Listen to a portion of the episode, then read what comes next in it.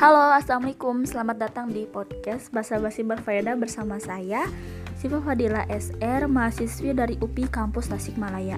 Di sini kita akan ngomongin nih tentang sampah. Kenapa? Karena kalau kita ngomongin orang namanya gibah, canda gibah. Kenapa kali ini kita akan ngomongin sampah? Karena sampah itu merupakan limbah yang berpengaruh dalam kehidupan kita sehari-hari. Kebanyakan bencana alam itu dimulai dari sampah, ya kan? Contohnya aja banjir. Nah, di sini juga aku mau ngajak kalian nih biar sama-sama menjaga lingkungan.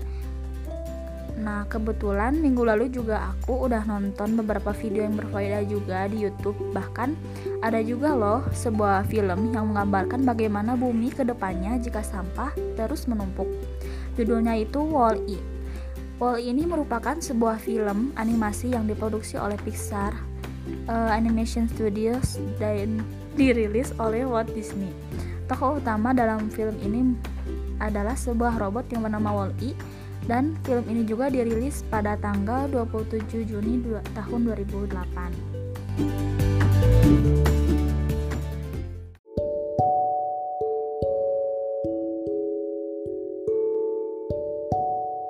Dalam film ini diceritakan bahwa manusia pindah ke luar angkasa dikarenakan bumi mengalami kenaikan kadar racun yang tinggi menggunakan kapal yang bernama Axiom. Dalam kapal ini manusia dimanjakan bahkan difasilitasi loh kehidupannya oleh teknologi yaitu robot. Bahkan ada juga loh fasilitas kursi yang ngambang gitu jadi manusia tuh kayak gak boleh capek.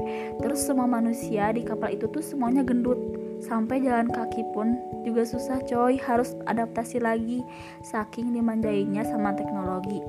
Pun sama halnya kayak masyarakat Indonesia yang cenderung konsumtif, gak mau ribet, maunya instan. Jadi kayaknya kalau masyarakat Indonesia di sana pada gak mau pindah deh. Canda ya. Oke, lanjut. Tetapi di kapal ini ada loh sistem buat uh, manusia itu bisa balik lagi ke bumi yang namanya operasi tinggal kembali. Nah, operasi ini merupakan instruksi manual untuk menanam tanaman ke dalam detektor hologram pesawat. Nah, Wall-E bersama temannya yang berasal dari kapal itu berusaha untuk mengembalikan manusia ke tempat asalnya, yaitu bumi kita kita tercinta. Tentunya bersama kapten yang sadar dan mulai mengingat kembali bahwa bumi memang tanggung jawab manusia. Dibuktikan saat Wall-E menemukan makhluk hidup yaitu tanaman yang bisa tumbuh dalam keadaan bumi yang gersang dan dipenuhi oleh tumpukan sampah. Dengan begitu masih ada kesempatan untuk manusia kembali ke bumi dan bercocok tanam kembali untuk lebih lengkapnya Nih aku saranin aja ya kalian nonton deh seru pasti gak bohong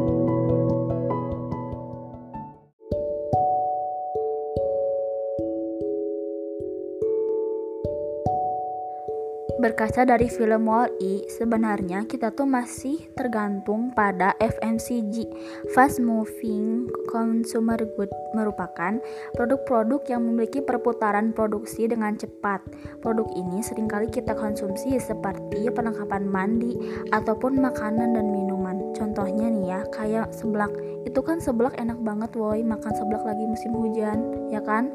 Tapi kebahagiaan yang sekitar 3 5 menit ini berdampak dampak besar sampahnya, bahkan hilangnya tuh abadi saking susahnya terurai.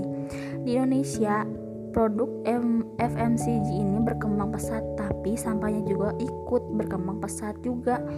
Aku udah nonton videonya Urban Series di YouTube. Kita tuh diperlihatkan bagaimana keadaan TPST di Bantar Gebang.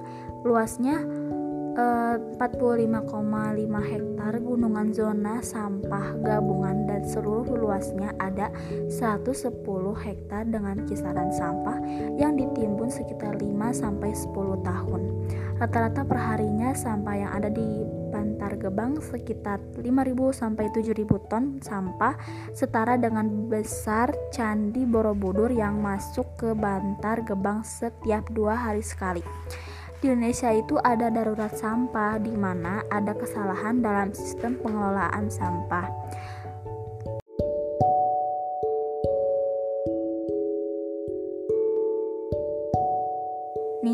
Contoh sampahnya seperti sampah FMCG, sampah fast fashion yang 85%-nya akan jadi limbah. Ada juga problem dalam isi ulang air yang katanya ada gerakan uh, isi tempat botol minum, isi air menggunakan galon, tapi akhirnya tetap saja masih banyak yang membeli botol minum dari plastik. Dan juga ada galon yang sekali pakai tapi tetap saja akhirnya akan bermuara di TPS. Bahkan TPS Bantar Gebang kemungkinan akan ditutup pada tahun 2025 yang akan digantikan dengan pengelolaan sampah. Sampah plastik ini jika terbuang ke tanah dia tak akan terurai dan mengganggu tanaman. Jika terbuang ke saluran air karena tak ada tak dapat terurai juga, dia akan terkumpul dan lama-lama akan menyebabkan banjir. Jika terbuang ke laut, dia akan dia tak akan terurai dan hanya akan menjadi mikroplastik yaitu potongan-potongan kecil yang kurang dari 5 5 mm. Sampah plastik tuh emang serba salah ya kayak cowok, canda cowok. Menurut uh, World Economic Forum dalam The New Plastic Economy uh, Rethinking the Future of Plastic pada tahun 2050 jika kita tidak berubah uh, jumlah mikroplastik di lautan akan jauh lebih banyak daripada ikan. Padahal di masa depan saat hutan jadi gundul, sumber protein kita ada di laut. Tapi juga ada nih sumber masalah baru di masa pandemi ini yang sampah masker sekali pakai menurut Kepala Dinas Lingkungan Hidup di DKI Jakarta tercatat sampah masker yang terkumpul ada 800 kg pada Maret sampai November 2020 coba sekarang ada coba sekarang kan bulan Maret. Bayangin makin banyak lagi kan sampah sekali pakai yang kita pakai